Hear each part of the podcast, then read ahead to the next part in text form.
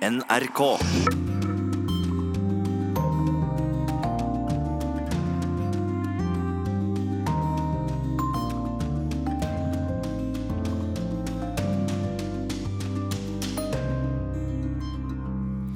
Velkommen til Urix på lørdag med Øystein Heggen i studio. Høyrepopulistiske partiledere samles i Milano i dag i et forsøk på tettere samarbeid foran europavalget. De første valgdagsmålingene fra Australia tyder altså på valgseier til opposisjonspartiet Labour. Vi skal få mer om eh, dette valget også. Vi skal høre fra palestinske aktivister som mener at Israel utnytter Melodifestivalen til å skjule at de er i konflikt. Sudans krigsforbrytertiltalte president Omar al-Bashir ble sparket av sine egne, men holder det nye militærstyret hva de lover opposisjonen? Ukens podkast heter 'Marvina og mamma' og handler om en ung kvinne fra uigur-minoriteten i Kina. Det er historien om Kinas overvåkning og undertrykking. Og korrespondentbrevet hører med i sendinga. Det er skrevet i Beirut av Kristin Solberg. Dette er det beste stedet i verden hvis du er her på ferie i to uker. Stranden, nattelivet, det er fantastisk. Men du kan ikke gjøre det for alltid. Å leve her er vanskelig, uforutsigbart, ustabilt. Italias visestatsminister Matteo Salvini forsøker å samle Europas høyrepopulistiske partier i en blokk foran valget til nytt EU-parlament. Tolv partiledere samles i Milano i dag, og der er også du, europakorrespondent Philip Lote. Hva sier Salvini at han vil oppnå med dette? Ja, det han ønsker, er å, å samle ytre høyre-partiene i Europa før EU-valget. Og som eh, mange av disse ytre høyre-lederne har sagt, de ønsker å endre EU og det europeiske prosjektet fra innsiden ved å bli en avgjørende makt i EU-parlamentet etter eh, parlamentsvalget for hele Europa og hele EU, som da er eh, i slutten av mai, med siste valgdag 26. mai om en uke. Men disse populistpartiene på høyresiden i Europa de er jo fordelt på tre grupperinger i Europaparlamentet, og de er slett ikke enige om eh, alt. Eh, hva kan de bli enige om? Det de er eh, enige om, er bl.a. Eh, synet på innvandring. Eh, de er, vil ha en langt strengere innvandringspolitikk asylpolitikk, selv om de er uenige om fordeling av flyktninger asylsøkere som kommer til Europa. Salvini ønsker jo at andre land skal ta flere. Han mener at Italia har tatt for mange, mens Tyskland sier at de ikke kommer til å ta noen flere. Så her er det klare skillelinjer mellom de ulike partiene. altså F.eks. Alternativ for Deutschland som kommer til å være til stede her i dag, og Salvinis eget. Eh, lega. Eh, og så er de generelt kritisk til EU som et europeisk prosjekt. Noen av dem ønsker å avskaffe EU helt. Andre sier at skal EU fortsette, så må det være et helt annet system, en helt annen union. Og de ønsker da å endre det innenfra, bygge det ned, sånn at nasjonalstaten skal få en langt større rolle. Og så er jo dette først og fremst da et, en maktdemonstrasjon. Dette blir den største markeringen av, for ytre høyrepartier før eh, valget om eh, en uke. Eh, og Salvini har jo fremstått som en lederfigur for disse partiene etter at han klarte å komme i regjering, ble innenriksminister i Italias regjering og er Italias helt klart mektigste politiker. Den som setter agendaen for italiensk politikk, har gjort det et år nå snart. Ja, Før jeg slipper deg videre, Philip Lote, helt til slutt. Reaksjoner på dette møtet, er det kommet noe? Dette blir omstridt. Milano er jo hjemmebanen til Matteo Salvini, så det er derfor han har dette møtet her. Eh, eh, det kommer til å komme mange tilhengere, men det er også varslet mange motdemonstrasjoner. Så dette kommer til å bli relativt intenst og, og kraftfullt.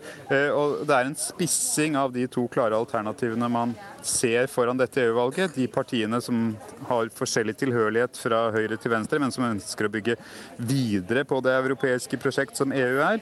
Eh, og de som ønsker å bygge det ned, eh, hvor da eh, Salvini har tatt en lederposisjon. Philip Lote fra Milano her i Urix på lørdag, takk skal du ha.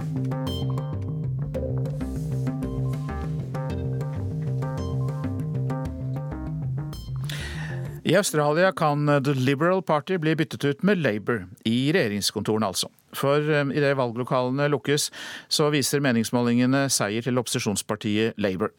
Folket Down Under har vært gjennom en lang periode med politisk uro i eh, de to tradisjonelle regjeringspartiene. Men før valget da, så lovet begge at den neste statsministeren skal bli verdt å huske. Gentlemen, thank you both for being here tonight. I'll get you to shake hands just for a little longer. We do need to capture the moment for posterity there and for the front page tomorrow as well. Vet du hvem som er statsminister i Australia? Ikke fortvil, de som bor i Australia sliter litt med å huske hvem som styrer landet. De også. Det er montert svingdører på statsministerkontoret, blir det spøkefullt sagt etter at seks statsministre har kommet og gått de siste ti. Så når Australia går til valg i dag, lover begge kandidatene å bli sittende ei god stund. Helst en full treårsperiode, om de skulle bli valgt. We're asking Australians for your support to vote Liberal and to vote Nationals. So together we can build our economy to secure your future. And so we can keep the promise of Australia to Australians in this generation and the next. Thank you very much. Sittende statsminister heter altså Scott Morrison og hører til Det liberale partiet, som er et konservativt parti til høyre for sentrum. Han har bare sittet ved makta i ni måneder, og det er ikke sikkert det blir så mye lenger heller.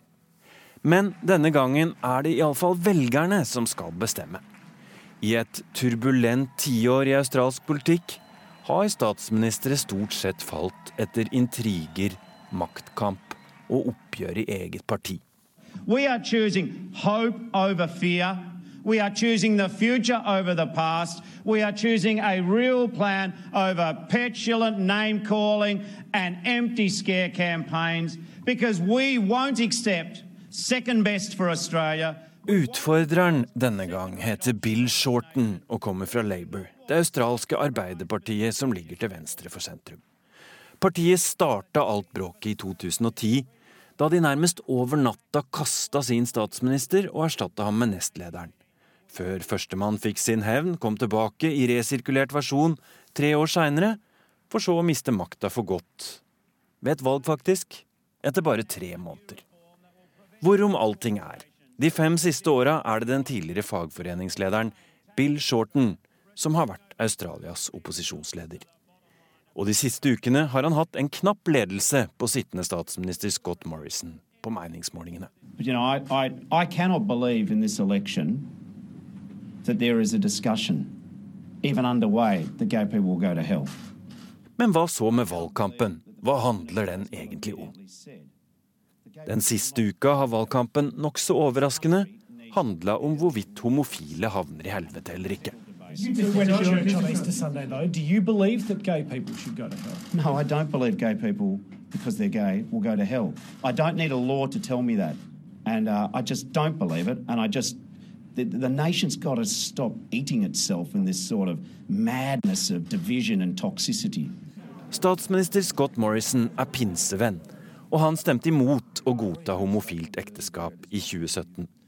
Opposisjonsleder Bill Shorten er opprinnelig katolikk, men har konvertert og er nå anglikaner. Men religion regnes som en privatsak og er sjelden tema i australsk politikk. Å utfordre til en helvetesdebatt var smålig og smått desperat, syns statsministeren. People's faith are people's faith, and you know, I'm not running for Pope, I'm running for Prime Minister. And uh, so, you know, theological questions you can leave at the seminary. Can you clear up your position on that? Do you believe gay people I just said no. I don't. Prime Minister, why? Innvandring har pleid å være den store saken, men ikke like dominerende denne gangen. Selv om Scott Morrison har fått et egg i huet i protest mot hvordan Australia behandler sine asylsøkere. Statsministeren var for ikke så lenge siden en streng innvandringsminister, og det var han som begynte å internere båtflyktninger til Australia på øde stillehavsøyer som Manus og Nauru, til protester bl.a. fra FN. Og hva sier han i dag? You've got to get a cap on population growth, and that means we've got to have a cap on migration, and that's why our government is going to freeze migration at the current levels for the next four years. That's what we're going to do. Og hva sier så opposisjonen? In terms of the remaining people on Manus and Nauru, if I was elected your Prime Minister, we would put as much effort as we humanly could to resettle them. We will build a renewable energy future for this country. We will cut pollution. Klima og økonomi er kanskje de to største sakene for australske velgere. Der Labour anklager The Liberals for ikke å gjøre nok mot global oppvarming, mens Liberals anklager Labour for å ville bruke en masse penger de egentlig ikke har. The choice between a stronger economy under my government that can guarantee funding, real funding, for hospitals, schools, and roads, and Labor, who always runs out of money and always comes after yours. Etter ti år med bråk og intriger virker velgerne smålei av begge de to regjeringsalternativene. Men de har egentlig ikke noe annet valg heller. I Australia er det nemlig påbudt å stemme ved valg. Dukker du ikke opp ved stemmeurnen i dag, kan du rett og slett få ei saftig bot fra myndighetene. Oh, I'd like to see a big change. Um, yeah, I think we need it. I think you can't trust either of the major parties.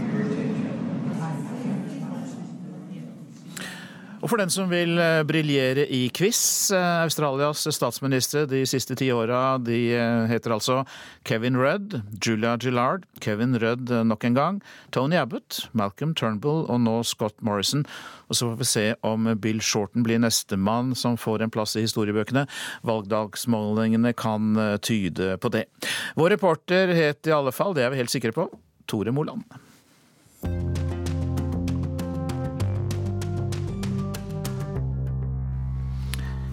Selv ikke Urix på lørdag kan unngå å komme inn på finalen i Eurovision Song Contest, kalt Grand Prix blant gamle venner av programmet.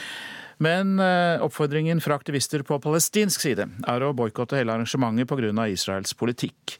De mener Israel utnytter Eurovision og skjuler at de er i konflikt. Turistene rister på hodet. Ingen av dem hadde hørt om Global Vision før de kom hit til kultursenteret Al-Rawad i flyktningleiren Aida i Betlehem. Det er vårt svar på Eurovision, forteller Abdel Fattah Abusror, og setter i gang en av artistene som skal delta i palestinernes versjon.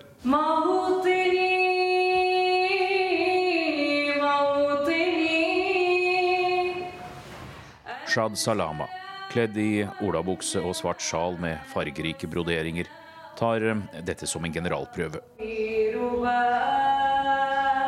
Hun gleder seg til å synge for et eh, internasjonalt publikum. På en eh, utendørsscene i flyktningleiren med israelske vakttårn og den omstridte muren som bakgrunn. فهذا الشيء الوحيد اللي بيخليني اني انا اقاطعه انه اسرائيل بتغطي على جرائمها بهذا الاحتفال باعتبار انه الثقافه الموسيقيه 22-åringen sier at hun boikotter Eurovision i år fordi vertsnasjonen Israel okkuperer palestinsk land. Hun kaller hele Eurovision-arrangementet for en hvitvasking av Israels forbrytelser. Kultursenterets leder Abdel Fattah Abusror er også medarrangør av Global Vision. Vi er på vei til scenen der palestinskvennlige artister, eller anti-israelske, skal opptre. I de trange gatene er det malerier og bilder av fengslede eller drepte palestinere på husveggene.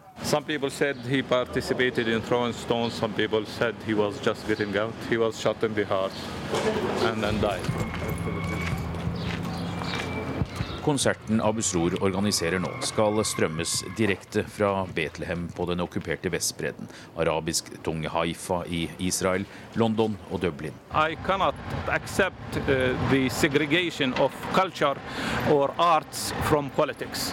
Han fnyser av Eurovisions påstander om at konkurransen i Tel Aviv kun er kultur og underholdning. Well, everything is political. The choice of your clothes is a political decision. From which country? If you choose a company that exploits children and women uh, with, with, low salaries, then you are supporting its policies of exploitation of, uh, of poor people. Alt er politikk, sier han. In this year also we are facing Eurovision which comes to present its programs in Tel Aviv in a country that is recognized for its apartheid system and occupation. Og så viser han fram utendørsscenen. Et uh, mini-amfi i betong, mindre enn en håndballbane. Også her er den palestinske siden av Israels mur sprayet med slagord mot okkupasjonen og andre politiske budskap. This is a very symbolic space.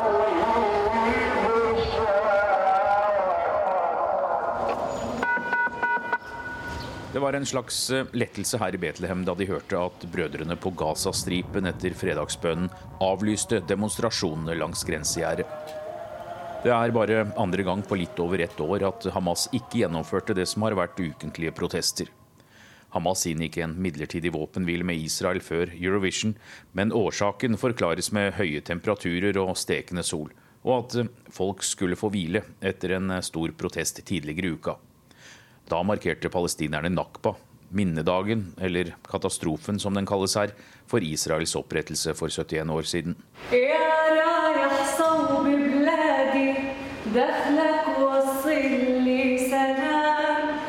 Artisten Shad synger tradisjonelle palestinske sanger.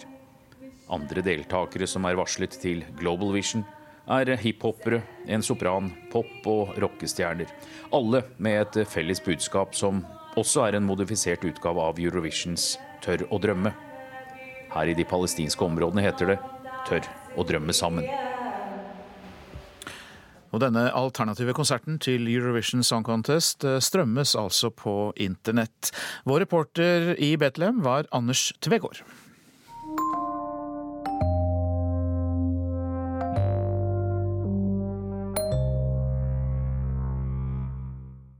تم الاتفاق ايضا على ان تكون الفتره الانتقاليه ثلاث سنوات تخصص الست اشهر dette er general Yasser Atta i Sudan som denne uka snakket om demokrati. Svært uvanlig i et land der Omar al-Bashir styrte med jernhånd i 30 år, med støtte fra de militære. Men etter måneder med protester som begynte med demonstrasjoner mot høye priser på mat, ble han avsatt i mars. Avsatt av sine egne. 75 år gamle Omar al-Bashir holdes nå fengslet i Khartoum, men blir foreløpig ikke utlevert til Den internasjonale krigsforbryterdomstolen i Haag. Den har tiltalt ham for folkemord under krigshandlingene i Darfur-regionen. Det skal være opp til et nytt sivilt styre å avgjøre utlevering, sier de militære nå. Denne uka ble de militære og opposisjonen i Alliansen for frihet og forandring enige om å samarbeide om et midlertidig styre i en overgangsperiode på tre år, fram til sivilt styre skal overta. Det bekreftet også opposisjonens talsmann Madani Madani. أعلن المجلس العسكري عن تشكيل لجنة تحقيق لجنة تحقيق فيما تم og Øystein H. Rolandsen er historiker og seniorforsker ved Institutt for fredsforskning, PRIO, en kjenner av Sudan. Og slik forklarer han hvorfor forandringen kom til slutt i Sudan. Eh, det er jo et gjennomgående ustabilt regime gjennom hele sin 30-årige levetid. Eh, men det er jo åpenbart at det er økonomiske nedgangstider som på en måte har klart å mobilisere de store massene. Altså Det har jo hele tida vært sterke opposisjonsgrupper, men eh, det har vært vanskelig da å få den type stor mobilisering over lang tid som vi har sett nå med disse folkelige demonstrasjonene eh, i Khartoum. Og det er da altså høyere matvarepriser og andre holdt på å si, nødvendigheter som har blitt betraktelig dyrere, samtidig som det også er jo enorm arbeidsløshet og andre økonomiske utfordringer. Det er altså etablert et samarbeidsråd eh, mellom eh, de militære makthaverne og eh, opposisjonen. Hva blir, det, hva blir dette rådets viktigste oppgaver? Det er jo å styre en prosess fram mot valg og fram mot å etablere et sivilt styresett i Sudan. Det er jo det som er målsetningene for de demonstrantene og si, den folkelige oppstanden. Eh, men det er jo klart det kommer til å være en ganske humpete vei. Altså, vi har jo allerede sett eh, rett etter nå eh, at denne erklæringa om en overgangsregjering kom, at det har vært skyting og trefninger, og at de videre forhandlingene har blitt satt på pause. Og Vi skal nå høre fra en eh, BBC-dokumentar om halvmilitære grupper i eh, Sudan. Noen bare kledd i sivil. De har eh, slått ned på og bortført demonstranter. Og BBC mener de har bevis for at de har opptrådt på vegne av myndighetene. Some are in military uniform, others in plain clothes.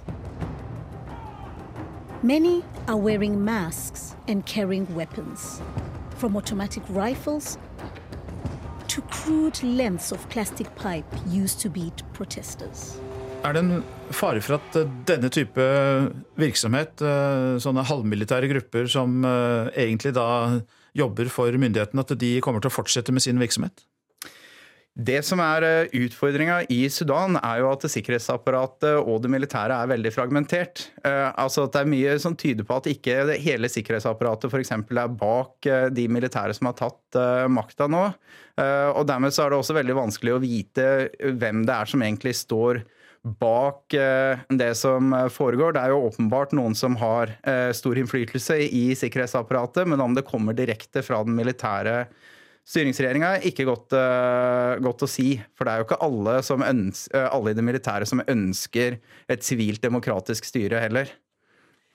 Men hva vet du og andre forskere da om uh, hva som skjer i det militære? Hva vet dere om irrgangene der? For, for, det første da, at det er veldig fragmentert. altså at du, uh, Når det var snakk om Darfur-konflikten, så hadde jo den beryktede Janjaweed-militsen som sto bak veldig mye av uh, overtrampene i uh, Darfur. Altså mye brutalitet mot de sivile.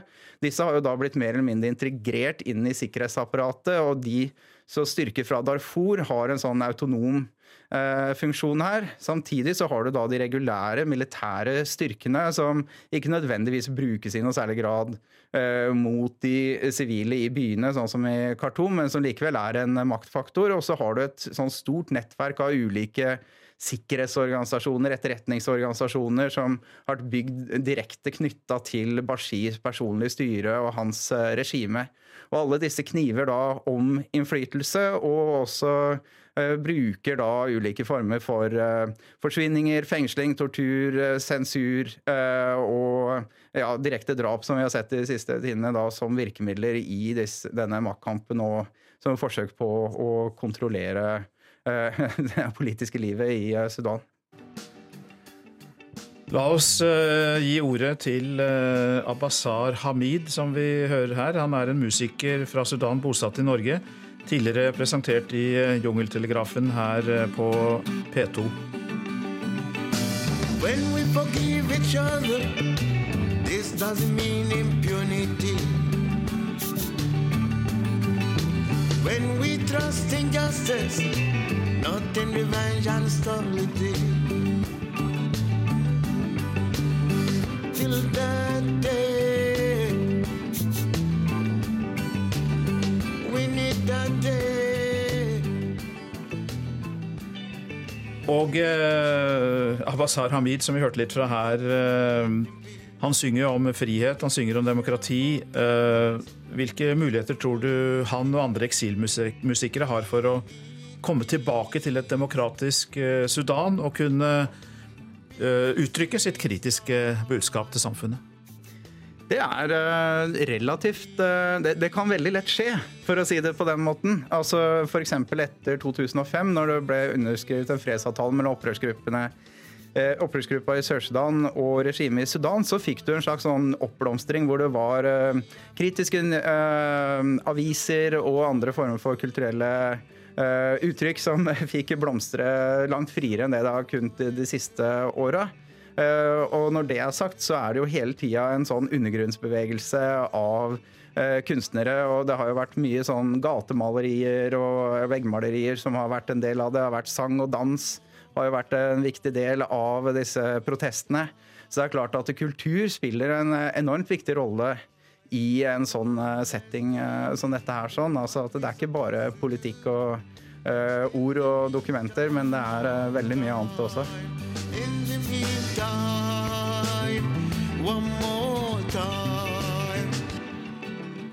Og det var Øystein Rolandsen vi snakket med, historiker og seniorforsker ved Institutt for fredsforskning, PRIO. Du lytter til Urix på lørdag. Dette er de viktigste utenriksnyhetene. Opposisjonspartiet Labour ligger an til å vinne dagens valg i Australia. Det viser den første valgdagsmålingen. Ifølge målingen får Labour 52% av stemmene, mens den regjerende liberalkonservative koalisjonen får 48 i denne sendingen har vi også hørt at Italias visestatsminister Matteo Salvini forsøker å samle Europas høyrepopulistiske partier i én blokk foran valget til nytt EU-parlament. De tolv partilederne samles i Milano i dag. I Østerrike utelukker statsminister Sebastian Kurz fra de konservative et videre samarbeid med visestatsminister Heinz Christian Strache fra det høyrepopulistiske frihetspartiet FPØ. Det opplyser kilder til nyhetsbyrået DPA. Det er uklart om beslutningen vil føre til at koalisjonsregjeringen mellom de to partiene bryter sammen. De folkevalgte i delstaten Missouri i USA godkjente i natt norsk tid en strengere abortlov som forbyr kvinner å ta abort etter åttende uke. Godkjenningen kommer bare dager etter at Alabamas guvernør signerte en ny abortlov der som eh, tilnærmet forbyr abort. Og I løpet av årets første tre måneder er 685 personer registrert bortført i Nigeria, og over 1000 drept i vold knyttet til kriminelle handlinger. Voldelige bortføringer for å oppnå løspenger er ikke uvanlig, men eh, det begynner nå å tegne seg en trend der bortføringer også sprer seg til resten av landet, sier landets øverste politisjef Mohammed Adamu. Midtøsten-korrespondent Kristin Solberg har skrevet ukens korrespondentbrev fra Libanon. Der har hun spurt sine naboer i Beirut om hva som kunne vært annerledes i deres liv. Jeg vet ikke om det var været eller menneskene jeg gikk forbi i regnet. Under en paraply, hastende til et møte, bak meg i køen på butikken. Ansikter jeg ser ofte, mennesker hvis liv foregår tett inntil mitt, men som jeg ikke vet noe om. Regnet hjalp selvfølgelig ikke. Har det alltid regnet så mye om vinteren i Midtøsten? Kanskje, men jeg har ikke lagt merke til det før. Det er ikke regn hvis dråper legger seg over skuldrene som knust glass, men regn som gjør klærne gjennomvåte på vei til bilen. Som vekker deg om natten, gjør sikten fra balkongen ugjennomtrengelig og oversvømmer teltene i flyktningleirene. Vinteren har vært lang, den strakk seg utover hele april, og jeg har brukt solbriller i regnet for å stenge verden ute. Kanskje var det kombinasjonen av alt dette som gjorde at jeg begynte å tenke på anger. På hva man kunne gjort annerledes i livet. Satt det inn på et annet spor. Et spor der solen skinner mer, der jakken ikke er våt og tyngende. Tenkte menneskene rundt meg det samme? De som er så nære, men likevel så fjerne. Jeg bestemte meg for å gå en tur i nabolaget mitt for å finne det ut. Snakke med naboene mine om hva de egentlig ønsket seg fra livet, og hva de angrer på. Jeg bor like ved det som var frontlinjen i Beirut under borgerkrigen, den som skilte byen i to helt separate deler. Den grønne linjen ble den kalt. Og den var faktisk grønn, for ingen turte å gå eller kjøre der, med god grunn. Dermed vokste planter og trær uforstyrret opp, de sprengte seg gjennom asfalten på vei mot solen, liksom for å minne oss på hvordan livet alltid finner en måte å gå videre på, selv i de verste tider.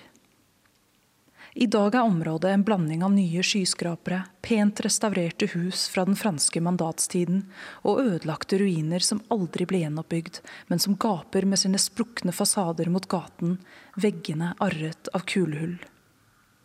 I noen av de nyere bygningene finnes yogastudioer, kafeer og vinbarer.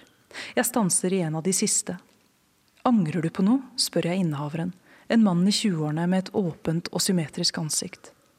Jeg angrer på at jeg ikke dro, forlot dette landet, fikk et utenlandsk statsborgerskap. Det er så få muligheter her, umulig å planlegge for de neste årene. Det er alltid et eller annet stup hvis kant dette landet balanserer på. Der nede ligger avgrunnen i form av krig, eller som nå, økonomisk krise. Likevel er det liksom alltid plass til en vinbar i Beirut, byen hvis natteliv ingen krig eller krise har klart å bremse. Forretningen går bra, også nå, det er ham selv han er mest bekymret for. Dette er det beste stedet i verden hvis du er her på ferie i to uker. Stranden, nattelivet, det er fantastisk. Men du kan ikke gjøre det for alltid. Å leve her er vanskelig, uforutsigbart, ustabilt. Litt lenger oppe i gaten treffer jeg en nabo på vei hjem. Han har stokk og hvitt hår, bor i en fasjonabel bygning med portnere og blankpolerte biler i garasjen. Livet har vært godt, sier han, men jeg giftet meg ikke med kjæresten min, dessverre, Familien hennes flyktet under krigen, så vi kunne ikke. Kanskje hvis han hadde kjempet litt hardere. De sier man angrer mest på det man ikke gjorde. Fra jeg bestemte meg for å snakke med naboene mine om tapte drømmer og muligheter de ikke tok, til jeg faktisk kom meg ut døren, sluttet det å regne. En gang denne måneden gikk det fra vinter til sommer uten vår imellom. Solkrem erstattet paraplyene, tungsinnet lettet, og jeg føler meg unektelig litt idiotisk her jeg går og spør folk hva de angrer på. Hvordan fikk du den ideen? spør en som antagelig er for ung til å angre på noe særlig. Livet peker ennå bare fremover. En dag i regnet, svarer jeg, og lar det bli med det. Men andre svarer villig, som om det ligger der og ulmer og bare venter på å bli snakket om. Noen mindre ting, som matematikkprofessoren som ønsket at han hadde grepet muligheten til å forske mer. Via de mellomstore, som kvinnen som angret på at hun flyttet hjem til Beirut fra Paris, der hun bodde en årrekke under krigen. Til dette med tapt kjærlighet, kanskje det største av alt. Og i det hele blir jeg kjent med folk i nabolaget på en helt annen måte. Det nære blir nærere. Fremmedgjøringen forsvinner, samme vei som regnet. Ved det som bare med mye godvilje kan kalles en knøttliten park, går en kvinne med en liten hund i lilla bånd. Chico heter han, Florinell heter hun. Det er ikke hennes hund, det er åpenbart. Den nystrøkne uniformen hun har på seg og den filippinske nasjonaliteten betyr at hun er hushjelp. Jeg har vært her i Beirut i 20 år, sier hun. Hun har to barn på Filippinene, de er 21 og 20. Hun forlot den yngste bare noen måneder etter fødselen. Siden har hun sett dem bare tre ganger. Det er fem år siden forrige gang. Sånn er livet, sier hun. Ikke det livet hun ville valgt, men det livet hun fikk. Barna er vokst opp mens hun har vært her og gått tur med hunder og vasket gulv. Hun sender penger hjem, det er det som skal veie opp for det hele, at de vil få en bedre fremtid. Men ektemannen, som skulle holde fortet hjemme, han gjorde ikke sin del, han forlot henne. Angrer hun kanskje på hvem hun giftet seg med? Hun rister på hodet, trekkes bort av den lille hunden som vil snuse på en trestamme. Nei, sier hun, jeg kunne jo ikke vite hva som var min skjebne. Og kanskje er anger et overskuddsfenomen. Anger betyr at man hadde et valg, at man på et vis valgte feil. Hva hvis man ikke engang kunne velge, men måtte gripe den eneste muligheten som fantes, selv om det kostet dyrt? Kanskje er det heller ikke spesielt libanesisk å angre på så mye. Her finnes en tro på at alt skjer fordi det er meningen. Guds vilje, vil noen si. Skjebnen, sier andre. Som Philip og Juliane, det eldre ekteparet som har en antikvitetsbutikk jeg stanser i. De viser et svart-hvitt foto av sin gamle butikk. Den lå i sentrum og ble ødelagt i krigen. Men vi er ikke lei oss. Det som er i fortiden, er i fortiden, sier Philip. Min kones familie er asyrere, fortsetter han. De flyktet fra Tyrkia da tyrkerne massakrerte armenere og asyrere i 1915. De dro til Haifa i Palestina. Da Israel ble opprettet i 1948, måtte de flykte igjen, og de kom hit til Beirut. Men hvis de ikke hadde gjort det, hadde vi aldri møttes. Alt skjer av en grunn, sier han. Det er i ruinene at man kan finne skatter, sa den persiske dikteren Rumi. Ordene står på en butikk som selger klær og smykker i gaten min, antagelig ikke den type skatter Rumi tenkte på, men det er en sannhet i det. Når et liv må gjenoppbygges, skapes nye muligheter. Med ødeleggelse kommer kreativitet. Han er tannløs og 90 år, men kroppen fungerer fint, og Michelle har ingen planer om å pensjonere seg. Det er hos ham jeg ender opp på min vandring, på et gatehjørne der han sitter og lager smykker foran bruktbutikken han driver. Det er skatter også her, rester etter liv levd av ukjente, men hvis avtrykk og smak lever videre i en lenestol eller et smykkeskrin som Michelle selger. Øynene dine, utbryter han når jeg stanser. Du har øynene til min datter Michelle. Så legger han til. Hun er død nå. Michelle døde av en hjertefeil som 32-åring. Den lille hvite og lilla barnesykkelen som er lenket fast i en stolpe nær butikken, tilhører sønnen hennes, George, på åtte, som også, visstnok, har mine øyne. Michelle ser ham ofte, er nær den lille gutten. Han begynner på en historie. Ikke lenge etter at moren døde, kom George hjem fra skolen og sa at han ville gifte seg. Han hadde plukket ut favorittlæreren sin som brud. Du som er så liten, hvorfor vil du gifte deg? spurte bestefaren. Fordi jeg vil ha en mamma, svarte barnebarnet. Michelle tar fram en lunsjboks fra et lite bærenett. Han sitter her utenfor butikken til midnatt hver kveld, får med seg utelivet, de som går forbi på vei til eller fra en bar. Fremtiden, kaller han dem. Selv er han på vei ut, sier han, peker ned i jorden. Men først vil han fortelle hvordan historien ender, om den døde datteren og hennes sønn. Barnebarnet gifte seg selvfølgelig ikke med favorittlæreren sin, men det gjorde etter hvert faren hans, så George fikk bonusmammaen han ønsket seg likevel. En utrolig historie, sier jeg.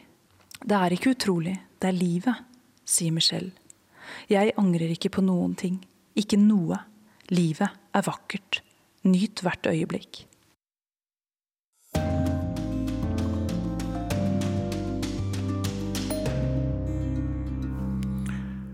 Du lytter til eh, Urix på lørdag, og nå til ukens podkast som heter Marvina og mamma. Podkasten begynner i Stavanger, men den handler om den kinesiske drømmens ofre. Kinas president Xi Jinping har en drøm.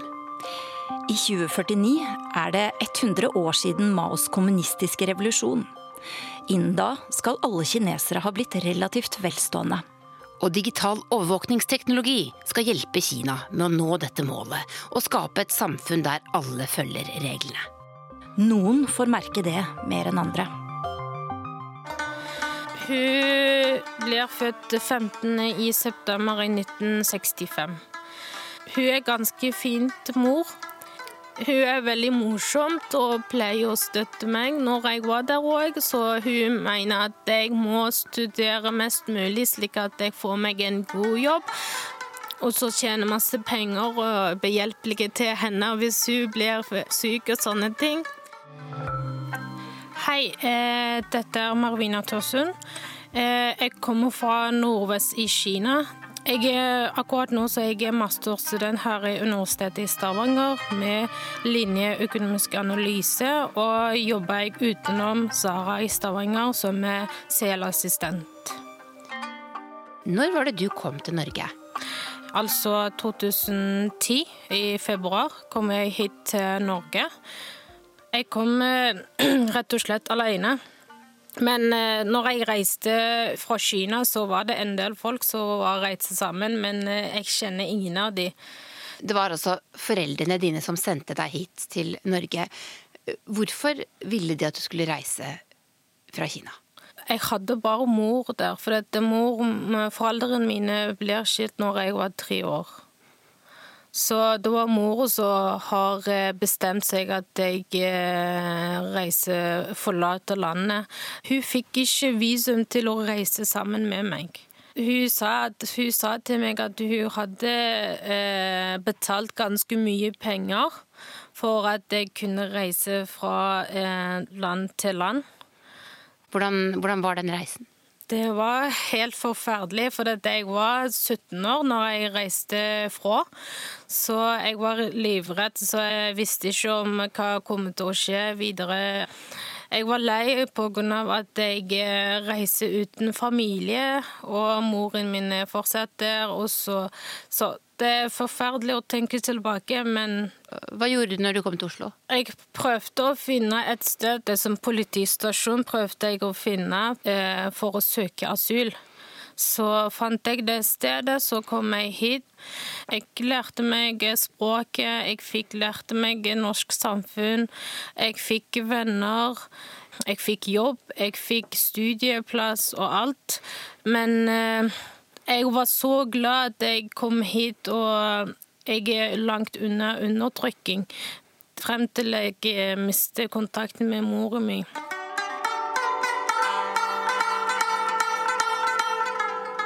Det fins mer enn 50 etniske minoriteter i Kina, og uigurene er en av de største. 13 millioner uigurer er kinesiske borgere. De fleste av dem bor i den store Xinjiang-provinsen nordvest i landet. Det er en provins som grenser både til Mongolia, Russland, Kasakhstan og Kyrgyzstan. Xinjiang er den eneste provinsen i Kina med muslimsk flertall, for de fleste uigurer er muslimer. Hva slags folkeslag er det du kommer fra? Vi ser helt annerledes, mer lignende på tyrkisk folk språket som vi snakker, det uigurske, ligner mest på tyrkisk og aserbajdsjansk. Møyvina, føler du deg kinesisk på noen måte? Nei. Ikke? Nei. Xinjiang-regionen har tradisjonelt vært bosatt av uigurer, en eh, tyrkiskspråklig minoritet, eh, muslimsk. Men der har vi jo da sett store forandringer de siste årene. Jeg heter Sunn Heidi Sæbø. Jeg jobber for tiden som utgavesjef i magasinet i Dagbladet. Og så har jeg skrevet eh, tre sakprosabøker. Den siste er om Kina og Xi Jinping. Sentralmyndighetene i Beijing har vært veldig oppsatt på å assimilere den uigurbefolkningen. Eh, man har eh, satt i gang store politiske tiltak og gitt insentiver for å flytte da han-kinesere, som er den etniske majoriteten i Kina, flytte dem inn til eh, Xinjiang-regionen. Man har bygd om arkitektur og hele gater for å gjøre det kinesisk og ikke uigursk. Så det flytter masse majoritetskinesere til denne regionen? Ja. Ja. For å gjøre den mer kinesisk? Hele demografien er endra. Det, det, er et av de store grepene som er gjort. Nå har de jo fått opp en eh, voldsom tetthet av overvåkningskameraer med ansiktsgjenkjenningsteknologi. De bruker droner for å overvåke folk, og det er blitt Eh, enormt mange kontrollposter. Det høres jo nesten ut på de som har vært der i det siste, som om eh, Xinjiang og de store byene er blitt en nesten sånn under beleiring, da, er jo nesten følelsen jeg får når jeg hører hvordan disse kontrollpostene fungerer. Og man må vise ID-kort. Man overvåker Altså det er ikke lov å vise å ha langt skjegg eller være andre plagg, noe som kan signalisere religion, da. I det siste har det kommet flere rapporter fra menneskerettighetsorganisasjoner om at uigurer blir plassert i såkalte omskoleringsleire. Hva er det for noe? Ja, det er jo det er forferdelig hyggelig å høre om. Eh, man snakker om at det er flere hundre tusen, kanskje opp mot en million uigurer som er satt i det de kaller omskoleringsleire. Og de eneste som vel har vært på innsiden av presse, er jo da kinesisk presse. Og de har jo en egen vri på, på, overvåkning generelt. Eh, det er jo et ledd i det å skape et mer harmonisk og sosialistisk samfunn, som vi kaller det. Eh, sånn at der blir jo disse leiene fremstilt som om det er til gode for uigurene at de får etterutdanning og, og nye muligheter.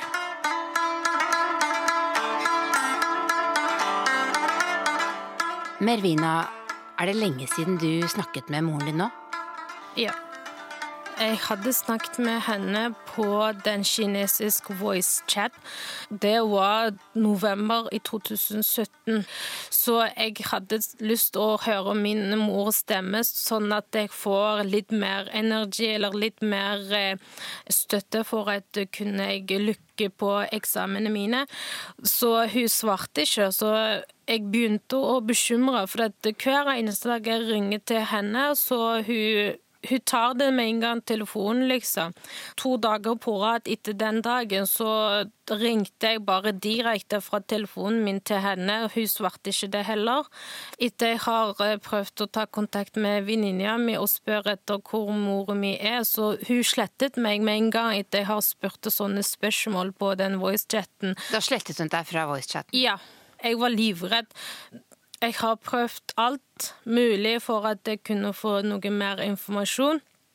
Og så fortalte jeg eh, til tanten min Det var hun som fortalte at eh, hun fikk beskjed om at hun blir sendt til omskoleringer en gang til. For når jeg reiste tilbake til Kina i juli 2017, så mora mi fortalte meg at hun har vært omskolering i mai. Hva, hva, er, hva er en omskoleringsleir? Sånn som de har eh, forklart til oss, dette er et sted hvor de eh, samler flere personer som mulig, slik at de får eh, videreutdanning med kinesisk språk og for å lære seg eh, samfunnet i Kina, eh, og så hvor eh, hvem er presidenten, eller hvem er kommunisten, eller hva er kommunist, og sånne ting som de må lære seg på nytt. Og så mer sånn dyp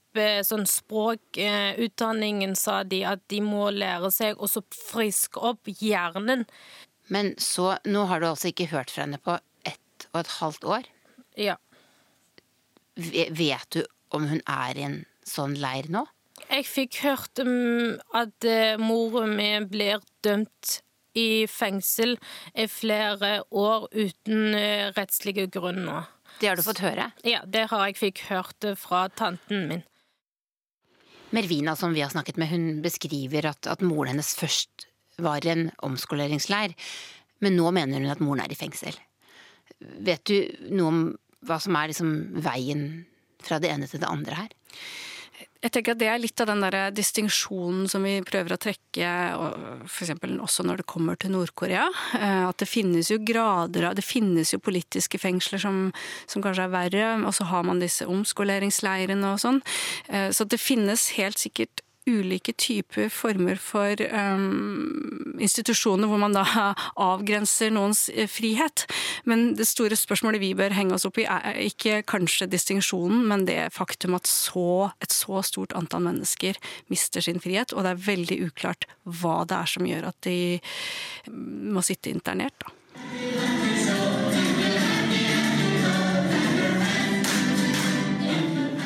It, it, did appear that they were uh, aware that we were going to come and that they had planned to sing that song uh, specifically for us and to sing it in English and of course to show by that that they are indeed very happy. Jeg så et opptak eh, av en eh, britisk Reuters-journalist som hadde kommet seg inn i en av disse leirene etter invitasjon fra kinesiske myndigheter. Dette var i januar i år. Og mens han var der, så ser vi uigurer som eh, synger sanger først på mandarin, og så synger de 'If you're happy and you know it, clap your hands' på engelsk. Og gir oss intervjuer hvor de forteller om at de har det fint. Hvorfor gjør kineserne dette? Hva slags bilde er det de forsøker å skape? Dessverre så har jo Kina en forhistorie også med omskoleringsleire. Den gang handlet det om å proletarisere eh, befolkningen, at de skulle tro på kulturrevolusjonen. Eh, og dette handler jo også om å, eh, at uigurene egentlig mister sin religion. De får ikke lov til å utøve sin kultur og sin tro. Så det, dette er jo rett og slett et forsøk på å gjøre det mer kinesiske. Men har majoriteten i Kina nå frykter fra uigurene, mener du? Ja, for det er alltid flere sider av en sak. Og eh, det har vært eh, flere terrorhendelser. Det har vært eh, en region med, med, med, etnisk konflikt. Og det har jo også ført til terrorhandlinger andre steder i Kina. Sånn at historien her er vanskelig, men det er jo vanskelig å forsvare, enda vanskeligere å forsvare denne type undertrykking av en én etnisk minoritet. They're targeting everyone. As long as you're going out of your house, you're being surveilled. Stemmen vi hører, tilhører en skuespiller, men historien er ekte. Den handler om en uigursk student i Xinjiang-provinsen som Human Rights Watch har intervjuet. If you're Uyghur, they stop you. They would just say, "Where's your ID? I want to check your ID." They would punch in the ID number and then they would see everything about you. Studenten forteller om hvordan sånne som han blir stoppet av myndighetene hele tiden. Ved å taste inn nummeret fra ID-kortet hans i en app, får de opp en mengde informasjon om han. So the IJOP system is pulling information from the numerous checkpoints in the region, is pulling information from uh, the gas stations in the region. In order to fill the cars with gas, when they go into the gas station, they have to go through facial recognition, they have to use the ID card, and uh, only after this kind of stringent process can they go into the gas station. My name is Maya Wang, and I am the senior China researcher for Human Rights Watch, and I'm based in Hong Kong the government officials um, in Xinjiang, they visit uh, Turkic Muslims very regularly. So we're talking about every day or several times a day, or for some families, every week or every two weeks, depending on how politically reliable they are. And when they go to their homes, actually. To visit them yes, so government officials go into their homes and um, both to monitor them and poke around, and also to indoctrinate them, uh, you know, teach teach them about Mandarin, teach them how to sing the national anthem, teach them to be loyal to the Chinese Communist Party.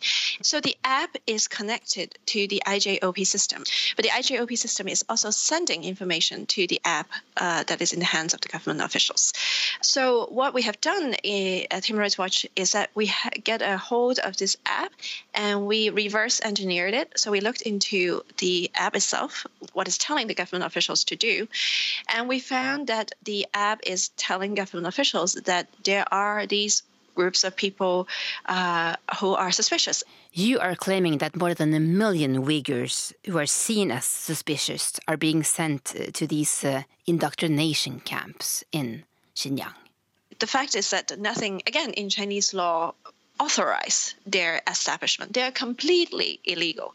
And in these facilities, um, people are subjected to political indoctrination. Um, they are required to literally sing praises of the Chinese Communist Party and of President Xi. In these camps, also, there have been reports of overcrowding, not enough food, being very cold. Um, people being punished for being unable to learn. Um, so it is a place where there has been uh, documented um, torture and uh, mistreatment. And uh, yeah, I have spoken to people who um, they try to kill themselves um, because they were desperate uh, to go out. They don't know how long they, they're going to be held there, whenever, when, if ever, they will see their families again. Dette er Kinas president. Denne uka holdt han en tale på en konferanse i Beijing. Å tro at ens rase eller sivilisasjon står over andres, er både dumt og katastrofalt, sa han.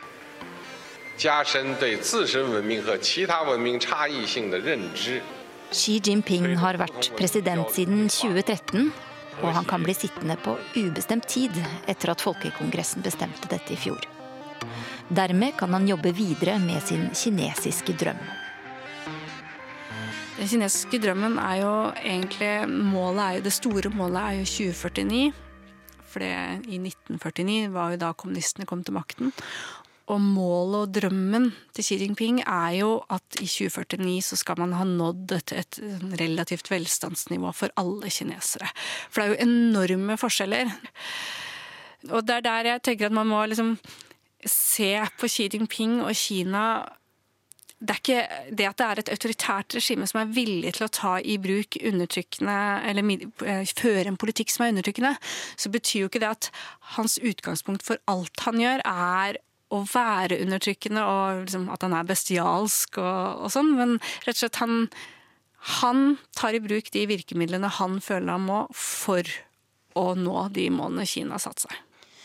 Og der er denne overvåkningen også en viktig del av, av, av, av middelet han kan bruke, tror du? Ja, absolutt. Absolutt. Hvorfor det? Jo, det er jo nettopp for å skape dette harmoniske samfunnet, hvor folk følger reglene, hvor man kanskje ikke da har en uigursk minoritet f.eks., som har denne sterke identiteten sin. Eh, I stedet så har de kanskje det er jo det de legger opp til, at de skal slutte å lese Koranen, slutte å ha langt skjegg, kvinnene skal slutte å bære hodeplagg. Det er jo ikke sikkert det er så fristende å gå i, i moskeen lenger, eh, ut ifra det det regimet man fører i Xinjiang nå. Kina er i en posisjon nå hvor de kan flytte grenser for hva som er akseptabelt. De kan flytte grenser for hva som er akseptabelt av overvåkning. De kan flytte grenser for hva som er akseptabelt innenfor internasjonal handel. ikke sant? Altså, jeg er ikke sikker på om de har tenkt til å føye seg etter eh, alle reglene. Og jeg vil jo heller tro at man snakker nå om at Kina har droner forkledd som duer, og at politiet er utstyrt med solbriller med ansiktsgjenkjenningsteknologi. Det er kanskje mer sannsynlig at, at, vi andre kommer til å følge etter Kina da, i, den, i det sporet.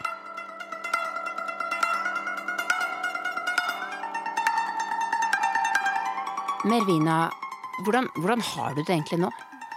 Eh, Akkurat nå så er jeg absolutt eh, deprimert, men jeg prøver å leve som vanlig. Hver eneste dag så våkner jeg opp at jeg har drømt moren min som et eller annet som veldig sånn forferdelig drømme, eh, drøm. Jeg har vært psykolog her i eh, Universitetet i Stavanger, så jeg fikk eh, sånn gratis hjelp. En av de psykologene sa til meg at jeg måtte gå sånn uh, turer i fjellet, sånn at jeg eh, møter opp naturen, og så bare få meg ut eh, angsten mine i hjertet mitt. Er det noen som kan hjelpe deg med å finne ut hvor moren din er, tror du? Nei, nå har jeg rett og slett å bare prøve å gjøre så mye, så mye som mulig, slik at jeg gjør press i Kina for at jeg kunne frigjøre mora mi.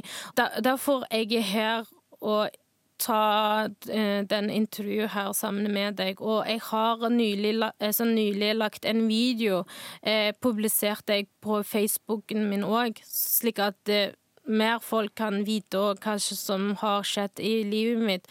Jeg vil at de vet at jeg er her og står, eh, stå, står mot eh, kommunisten-regimet i Kina, slik at de får press.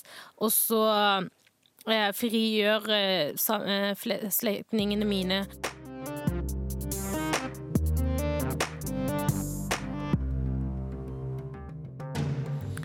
Og det var Tove Bjørgaas som hadde laget ukens podkast. Du har lyttet til Urix på lørdag. Dette programmet kan du også høre som podkast på radio nrk.no. Teknisk ansvarlig i dag, Stein Nybakk. Produsenter Elise Kvien og Øsker Tufan. Og her i studio Øystein Heggen.